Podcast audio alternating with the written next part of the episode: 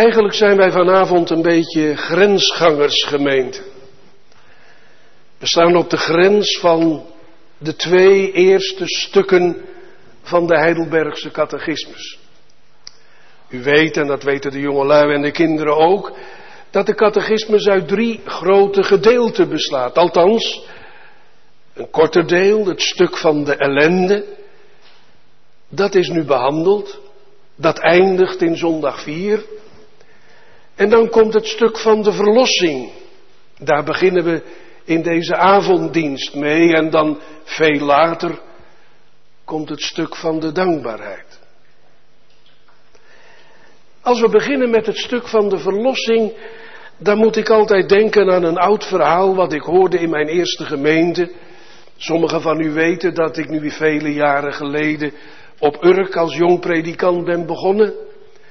En toen waren er in de kerkenraad nog van die oude vissers in Urker klededracht, nog een stuk of vier, vijf, die heel vroeger op zee hadden gevist in die oude bottertjes, zeilschepen. Er kwamen toen in het begin van de vorige eeuw al wel motoren, maar er moest nog veel met de zeilen gedaan worden. En die oude vissers wisten heel veel af van het weer. En ik vergeet nooit dat ene verhaal. Een van mijn ouderlingen zei, dominee, als je dan de hele nacht eigenlijk had gewaakt en aan het roer had gestaan, omdat er weinig te vissen was op dat moment, dan verlangde je naar de dag. En hoe dient de dag zich aan? Op een gegeven ogenblik gaan alle sterren verbleken. Vlak voor de dageraad is de nacht op zijn donkerst. En dan verschijnt net boven de horizon de morgenster. De Bijbel noemt dat de blinkende morgenster. En als u de Bijbel een beetje kent, dan weet u dat zo de Heer Jezus Christus genoemd wordt. Ik ben de blinkende morgenster. Op het donkerst van de nacht verschijnt de morgenster van de verlossing. Licht de dageraad van de verlossing aan.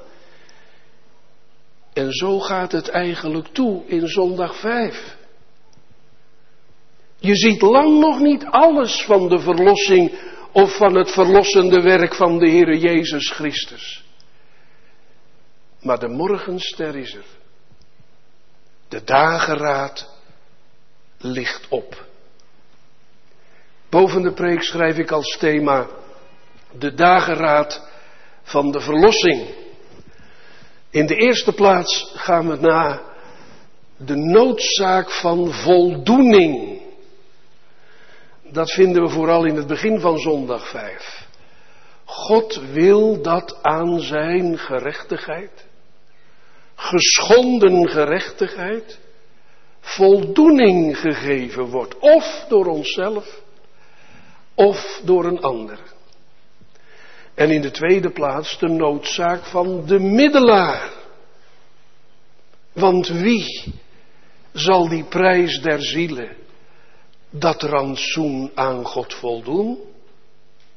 Iemand met een hoofdletter, zegt het slot van zondag 5, die een waarachtig en rechtvaardig mens is.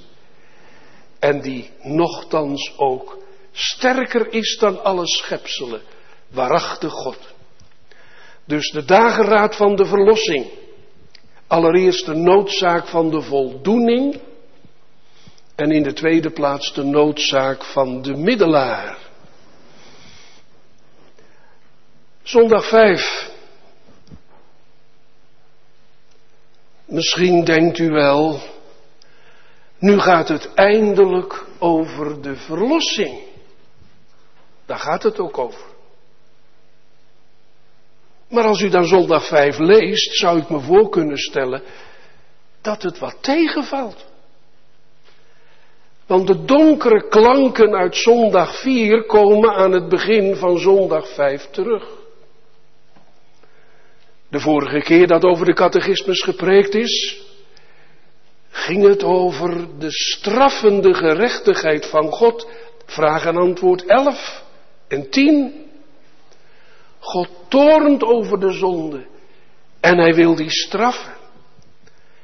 En dat wordt nog een keer samengevat in de eerste vraag van het stuk van de verlossing.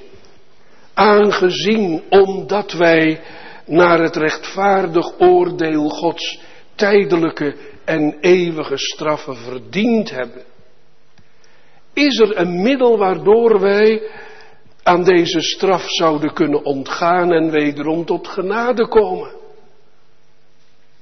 En dan wordt niet meteen de naam van de Heer Jezus genoemd. Dan wordt nog een keer ingescherpt, God wil dat aan zijn gerechtigheid genoeg geschieden. Waarom is dat? Blijft onze catechismus in dit eerste stukje van het stuk van de verlossing, in het stuk van de ellende hangen? Nee. Maar onze catechismus behandelt u en jou en mij wel eerlijk.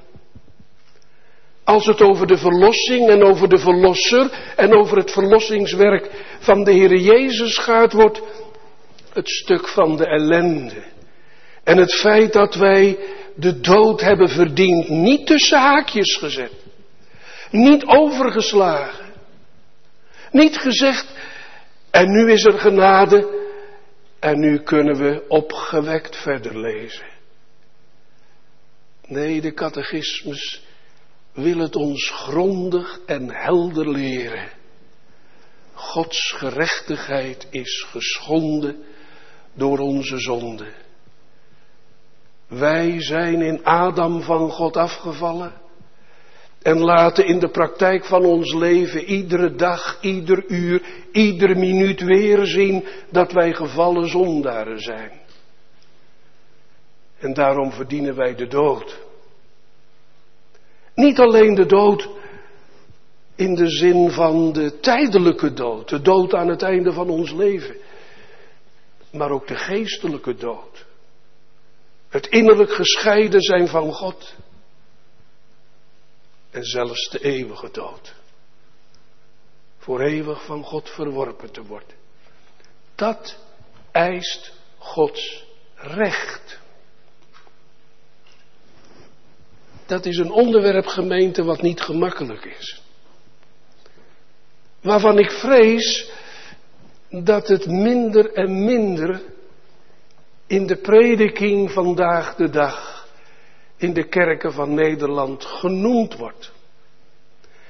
En misschien is het daarom ook wel zo dat je zo weinig mensen tegenkomt die echt vanuit de beleving hier weet van hebben. Die er iets van beleefd hebben. En dat kan verschillend zijn, dat weet ik.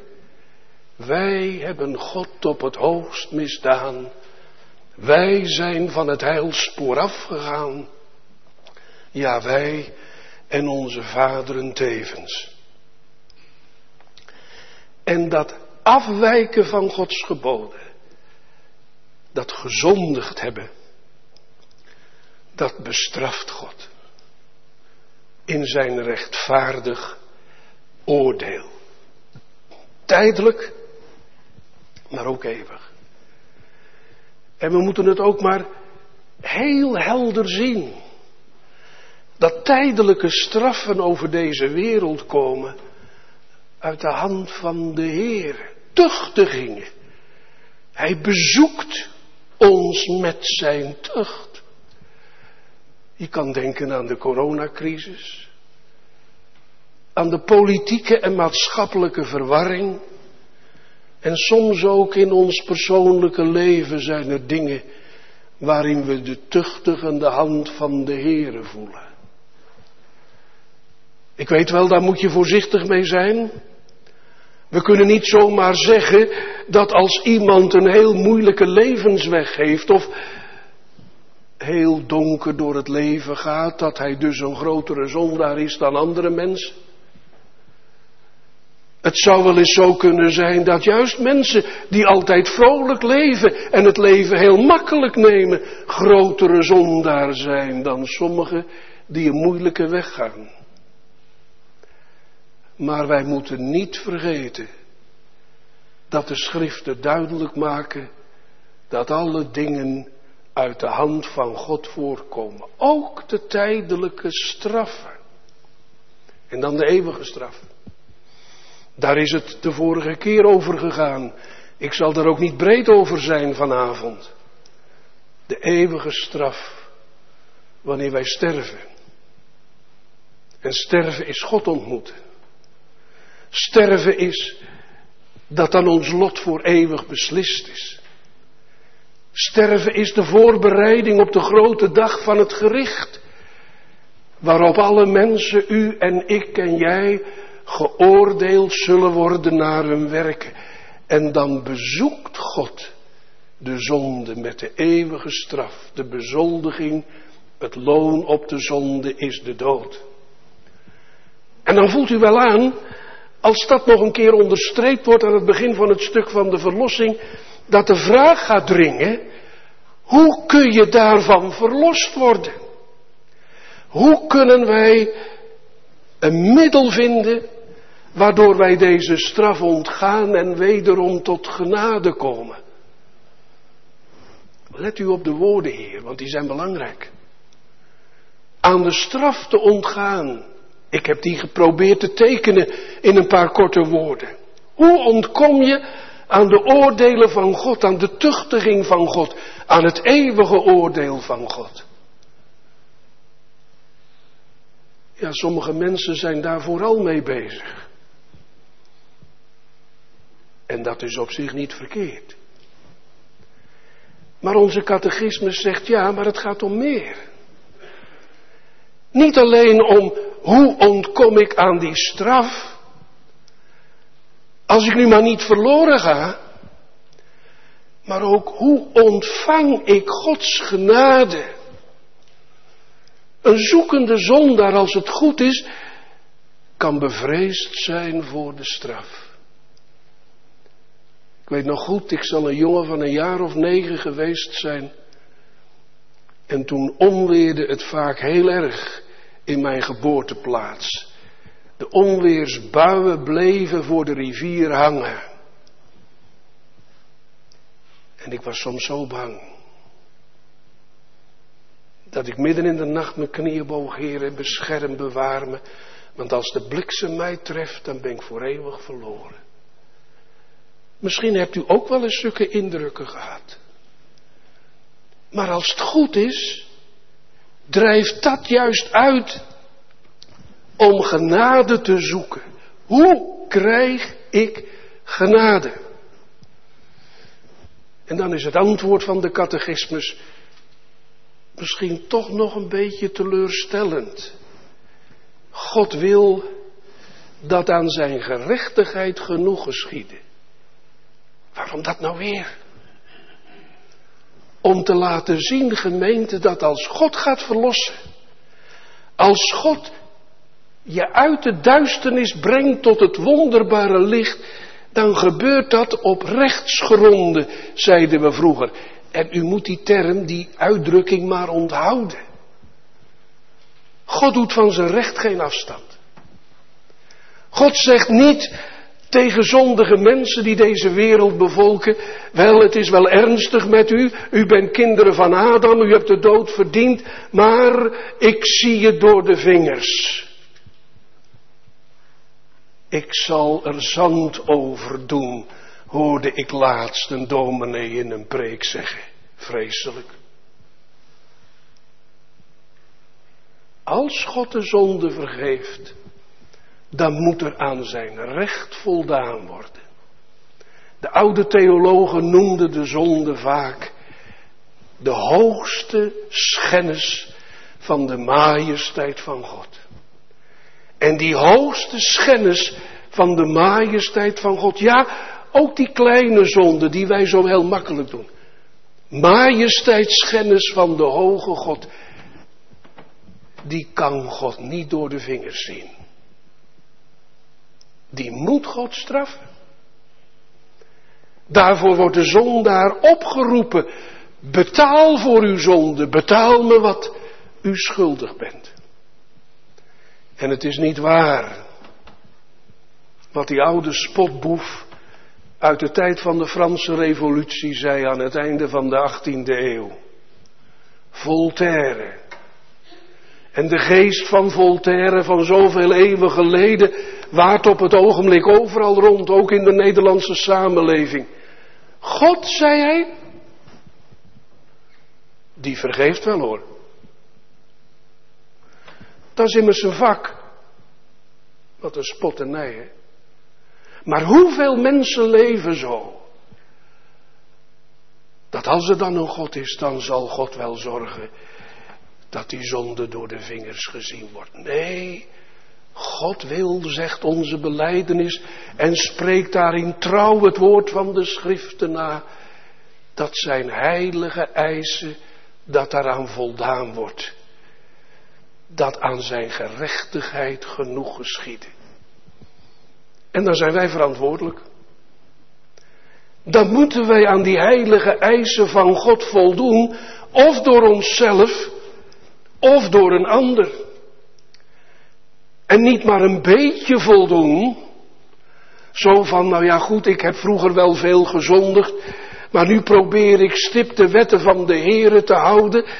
En dan zal God dat verlangen dat in mijn hart is om de wetten van de Here te houden, wel als een volkomen genoegdoening beschouwen. Nee, nee, nee. In heel ons leven. Ieder uur. Iedere minuut. Iedere seconde. Volkomen heilig leven. Volkomen beantwoorden aan de heilige eisen van God. Het staat heel duidelijk in de bergreden.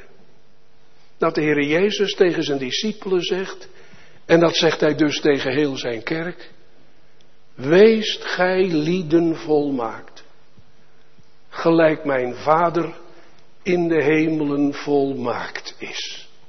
Volkomen houden, volkomen betalen voor alle majesteitsschennis die er in mijn leven is.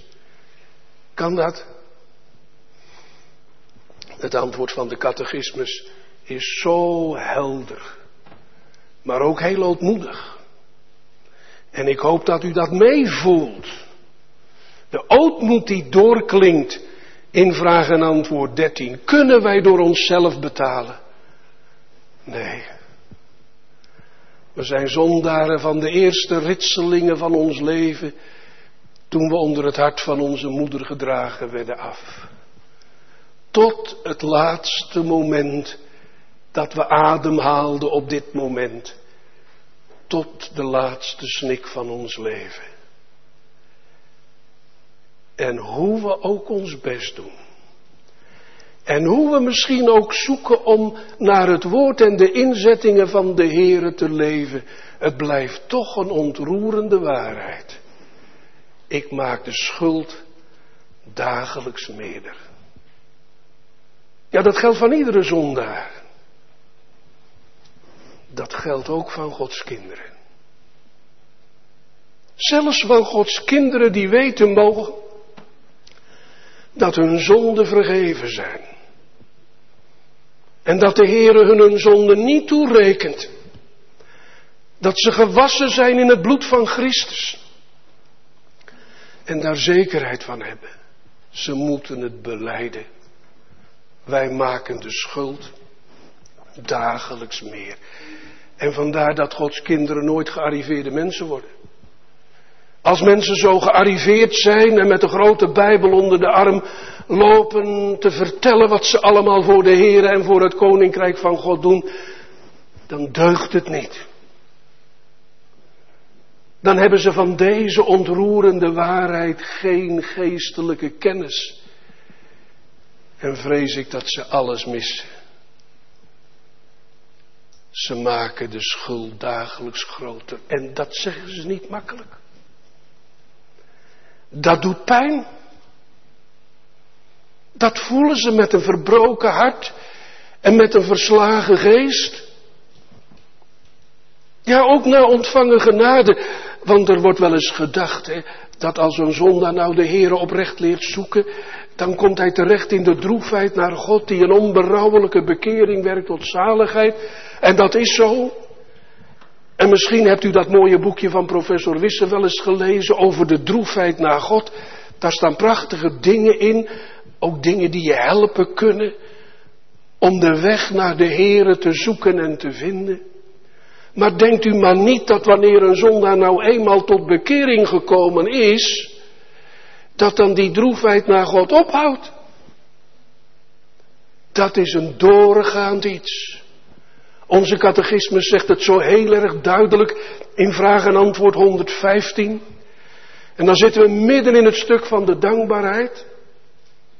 Dan zegt de catechismus, aangezien wij de wet van God niet kunnen houden en dagelijks struikelen, hoe komt het dan toch dat God die wet nog steeds laat prediken?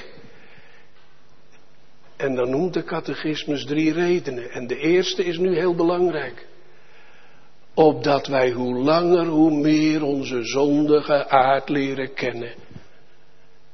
Ziet u wel dat in het stuk van de dankbaarheid de ellende toch weer terugkomt. Wij struikelen allen in velen.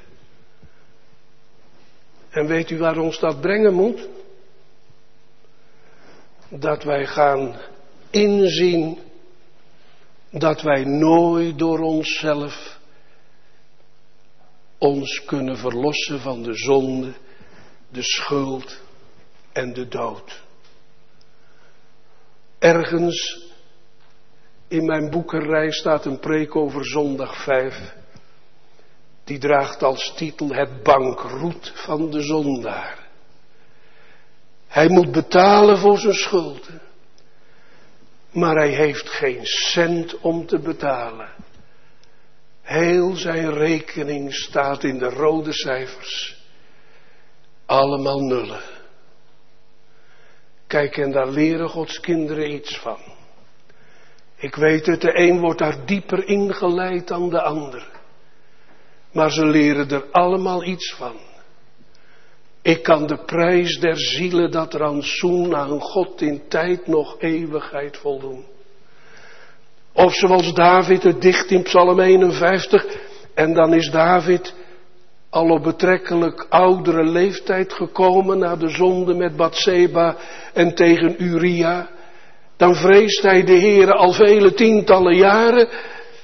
En dan zegt hij, het is niet alleen dit kwaad dat roept om straf. Nee, ik ben in ongerechtigheid geboren. En dan kan hij voor zijn schuld niet boeten en niet betalen. Dan moet hij, die uitdrukking hoorde je vroeger vaak, de dood leren schrijven op zijn eigen werken en op zijn eigen verdiensten. Dat was toch de ontdekking van Luther in de tijd van de Reformatie.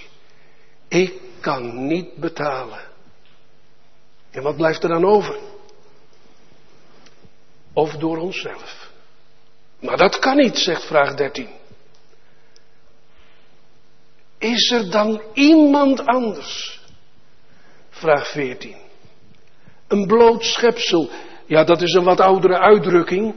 Dat betekent in het oudere Nederlands van de catechismus iemand die alleen maar schepsel is. Dus bijvoorbeeld een godvrezende vader of een godvrezende grootmoeder. Dat is een zegen als je die gehad hebt of nog hebt. Maar wij kunnen elkaar niet helpen. Ik weet het wel. Als je vader mag zijn of moeder mag zijn en je mag de Heere vrezen, dan zou je niets liever zien dat je kinderen, je kleinkinderen, de verdere familie in de wegen van de Heere wandelt. En dan zal daar ook veel gebed voor zijn, toch? Heere, wil u mijn kinderen, wil u mijn kleinkinderen bekeren, maar je kunt ze het niet geven. Ooit toen ik in Canada stond en preekte met heel veel aandrang en overgave. En zo aandrong bij de gemeente, ook bij de jonge mensen, hoe goed het was om de Heere te zoeken. dat een oude, wijze ouderling na de dienst tegen me zei: Dominee, het was goed hoor. Maar zul je niet vergeten, je kan het de mensen niet geven. Dat recht, dat behoudt de Heilige Geest alleen aan zichzelf voor. En het is goed dat je soms elkaar daarop wijst. Ik kan mijn kinderen niet bekeren. Ik kan u of jou niet bekeren. Hoe graag ik het ook zou zien dat u tot bekering kwam. Schepsel kan het niet. Nou, een engel dan misschien. Want dat moet u er ook bij betrekken natuurlijk. Hè? Enkel schepsel, dat kunnen mensen zijn. En dat bedoelt de catechismus zeker ook. Maar dat kunnen ook engelen zijn. En in de loop van de kerkgeschiedenis zijn er wel gedachten geweest, ketterse gedachten, dat engelen onze verlosser zijn. Of heiligen die al overleden zijn. De Roomse kerk leert dat. En dat komt later in de catechismus ook terug. Heiligen, die hebben zoveel goede werken gedaan, dat ze zijn door genade en door hun goede werken zalig geworden. Maar ze hadden nog wat over. Nog een extra kapitaal aan goede werken op hun bank staan. En die overgebleven goede werken, ja, die delen ze uit, hè. En dan moet je aan Maria roepen, Maria, denk aan ons. Of heilige Ambrosius of heilige Johannes, reken mij uw goede werken toe, wat een dwaasheid. Luther was daar grondig van overtuigd geraakt. Niet het offer dat ik breng, niet de tranen die ik breng, schoon ik ganse nachten ween, kunnen redden, gij alleen. Geen engel, geen heilige, niet iemand die schepsel alleen maar is, kan mij redden. En dat kan niet om een diep ontroerende reden.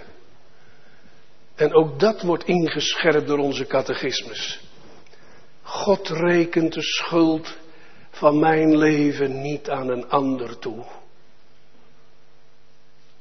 God zegt niet tegen mijn vader, als hij nog geleefd zou hebben, die zonde van je jongen, daar ben jij schuldig aan. Of tegen uw zoon, jongen, het feit dat je vader zo slecht opgepast heeft, dat reken ik jou toe. Ezekiel 16 zegt dat de Heer aan ieder persoonlijk zijn zonde toerekent. Natuurlijk kan het wel zo zijn, en dat even in het voorbijgaan, dat wanneer een vader het slechte voorbeeld geeft en in zonde leeft, in zonde wandelt, dat dat een verderfelijke invloed heeft op de kinderen. En dat de vader dan mede verantwoordelijk is als die kinderen verkeerde wegen inslaan. Zullen we het niet vergeten, ouders? Dan zal de Heer het bloed van onze kinderen van onze handen eisen. En daarom moet je juist als vader en als moeder, zegt de schrift, zo voorzichtig wandelen. Psalm 25. Laat de oprechtheid en de vroomheid mij behoeden. Maar nee, God rekent aan mij de zonde van de vaderen niet toe. En de zonde van de vaderen niet aan de kinderen. En bovendien, niet alleen rekent God de zonde niet aan andere mensen toe, maar niemand kan de toorn van God tegen de zonde dragen. Niemand. De eeuwige toorn dragen. Ja, dat is ontzaglijk. Laten we het niet vergeten. Ik denk dat het de vorige zondag aangestipt is. Maar vergeet het niet, de eeuwige toorn van God. In de buitenste duisternis, in de poel die brandt van vuur en zilver. We kunnen het geen moment dragen. Denk maar aan die ontroerende gelijkenis van de Heer Jezus over de rijke man. Hij slaat zijn ogen op in de pijn. Ik leid smarten in deze vlam. En dat betekent, ik kan het niet dragen. Wie kent de sterkte uw torens? Zegt Mozes in Psalm 90. Geen sterveling. Daarvoor zijn we ook niet geschapen, gemeente.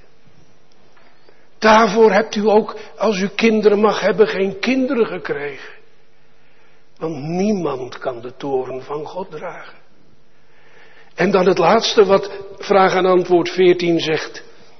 Laat staan dat een schepsel anderen van de toren van God kan verlossen. Ook weer de gelijkenis van de rijke man en de arme Lazarus. Lazarus, Eleazar is een oud-testamentische naam. God is mijn helper. Is door genade, door engelen gedragen in de schoot van Abraham. Dat is een andere naam voor de hemel.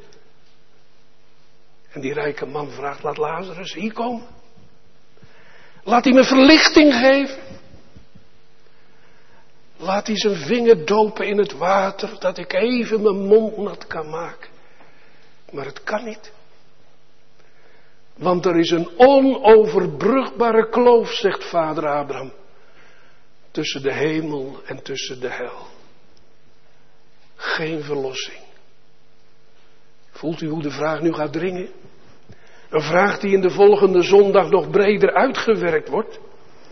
Wat moeten we dan voor een middelaar en verlosser zoeken?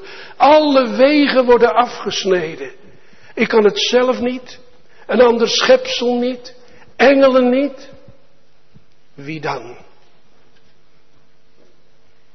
Let u op dat kleine woordje aan het slot van de vraag. Wat moeten wij voor een middelaar en verlosser zoeken? Dat wil de catechismus. Door alle verkeerde wegen af te sluiten, zegt ze, je moet zoeken. Zoekt en gij zult vinden, maar zoek het dan wel op de goede plek. Zoek het dan wel bij de goede naam. Zoek het dan wel bij de enige verlosser en middelaar. En dan worden hier de kenmerken, de kwaliteiten, de eigenschappen van de middelaar genoemd. En daar moet ik kort over zijn, want dat wordt in de volgende zondag veel breder uitgelegd. Zulk een die waarachtig en rechtvaardig mens is. Als God de zonde straft en betaling eist, dan moet die middelaar, die voor ons in de plaats leidt en het voor zijn kerk, zijn arme kerk opneemt, waarachtig mens zijn. Volgende zondag zegt, de menselijke natuur heeft gezondigd, de mens heeft gezondigd, dus de mens moet betalen. Gaat u het nu zien hoe belangrijk dit leerstuk is? Dat Jezus mens werd. Ik heb niet voor niets de geloofsbeleidenis van Nicea gelezen. Dat hij mens is geworden. Mens. Werkelijk mens. Ergens anders in de beleidenis staat dat hij mens moest worden om deel te krijgen aan onze pijn. Mens moest worden om te lijden en te sterven. Om te voldoen aan het heilig recht van God. Om tot de laatste penning voor de schuld te betalen. We hebben het gezongen voor de preek. Hij kan die prijs der zielen, dat rantsoen aan God, in tijd nog eeuwigheid voldoen. Dat geldt van ons mensen. Maar van hem geldt, hij kon het wel. En hij heeft het ook gedaan. In zijn menselijke natuur, in zijn mensheid. Geleden, gestorven.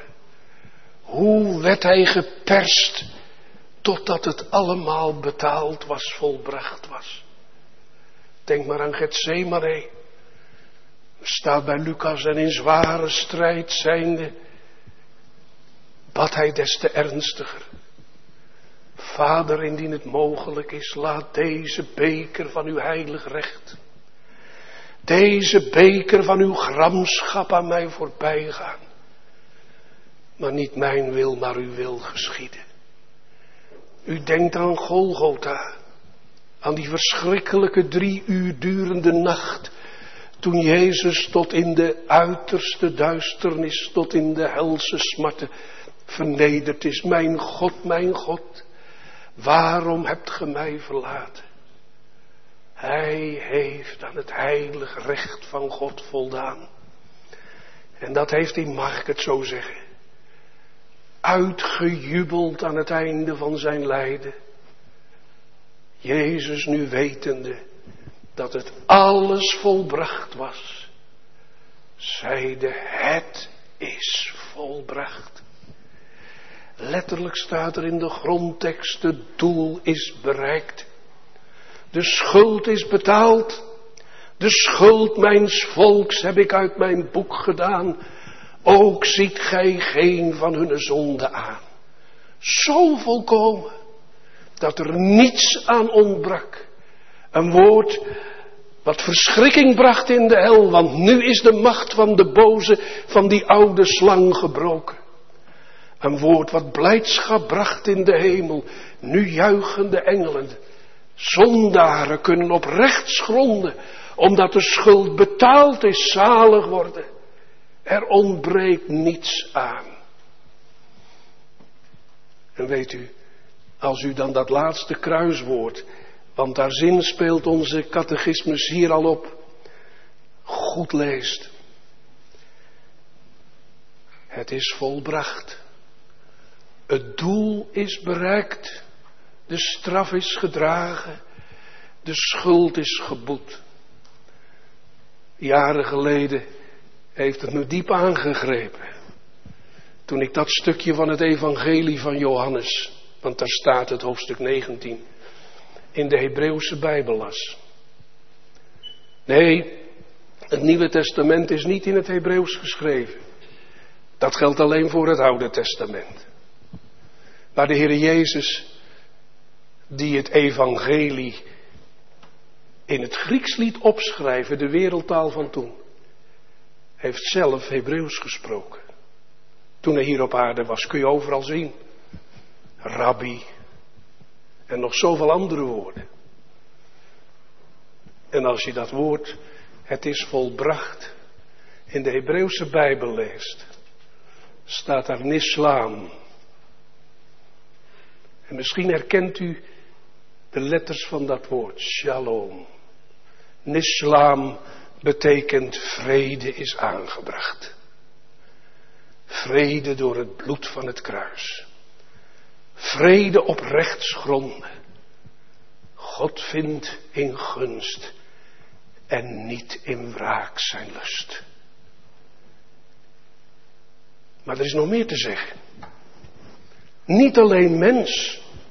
Een mens die lijdt, een mens die de schuld betaalt, een mens die tot de laatste penning toe aan Gods heilig recht voldoet.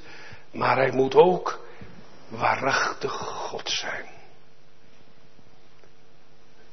En we hebben die diepe woorden gelezen uit de geloofsbeleidenis van Nicea 325 na Christus. Toen het over de godheid van de Heer Jezus ging. Dat werd door Arius, de ketter, ontkend. Maar de vaderen van Nicea hebben het beleden. God uit God. En licht uit licht. Waarachtig God uit waarachtig God. Waarom is dat nou belangrijk? Onze catechismus zegt hier, hij moet sterker zijn dan alle schepselen. En dat wordt in de volgende zondag uitgewerkt. Waarom? Als hij alleen mens geweest was, zelfs al was hij een volmaakt mens geweest, die voor de schuld betaald had, door te sterven aan het kruis, dan had hij alleen voor zichzelf geleden. Dan was de Heere Jezus, en ik zeg het met diepe eerbied eigenlijk, alleen maar een martelaar geweest. Geen middelaar. Nee, het is nodig dat hij ook sterke God, Vader der eeuwigheid, vredevorst is. Waarom? Als God kan hij alles wat hij verworven heeft door zijn kruisdood. Alles wat hij verworven heeft door de bitterheid van het lijden in Gethsemane, door de spot en door de hoon, door het lijden aan het kruis van Golgotha, kan hij uitdelen. Wegschenken. Door zijn woord en door zijn geest. En zo hebben we hem ook nodig. Niet alleen als de middelaar die het heil verworven heeft, die voor de schuld betaald heeft, die alles, alles heeft volbracht, maar die ook uit kan delen. Vroeger zeiden ze, misschien hebt u dat op catechisatie nog geleerd. Jezus is niet alleen een middelaar van verdiensten, die alles verdiend heeft, maar ook een middelaar van toepassing. We hebben hem nodig opdat hij als middelaar dat heil wat hij verworven heeft uitdeelt. Het is van A tot Z, van het begin tot het einde, volkomen zijn werk. En zo krijgt Gods kerk hem nodig. Zo krijgen ze hem lief. Zo gaan ze hem zoeken. Wat moeten wij voor een middelaar zoeken? Zo heen. Die waarachtig betaald heeft voor de zonde. En die ook waarachtig God is. Machtig om te verlossen. Kijk, want als Jezus niet de middelaar van de toepassing zou zijn, dan zou dat toch nog betekenen dat we op de een of andere manier zelf nog wat zouden moeten doen om dat heil te krijgen. Dat is nou precies de leer van de remonstranten. Die geloven niet dat de Heer Jezus een middelaar van toepassing is.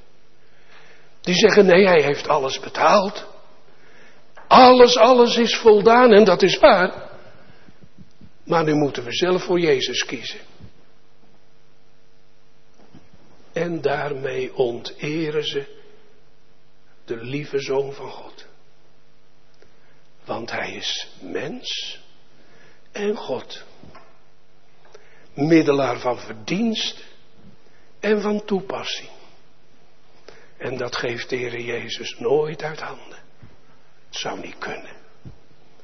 Maar juist omdat hij ook middelaar van toepassing is, wilde hij het om niet uit genade schenken. En is er hoop voor de grootste zondaar.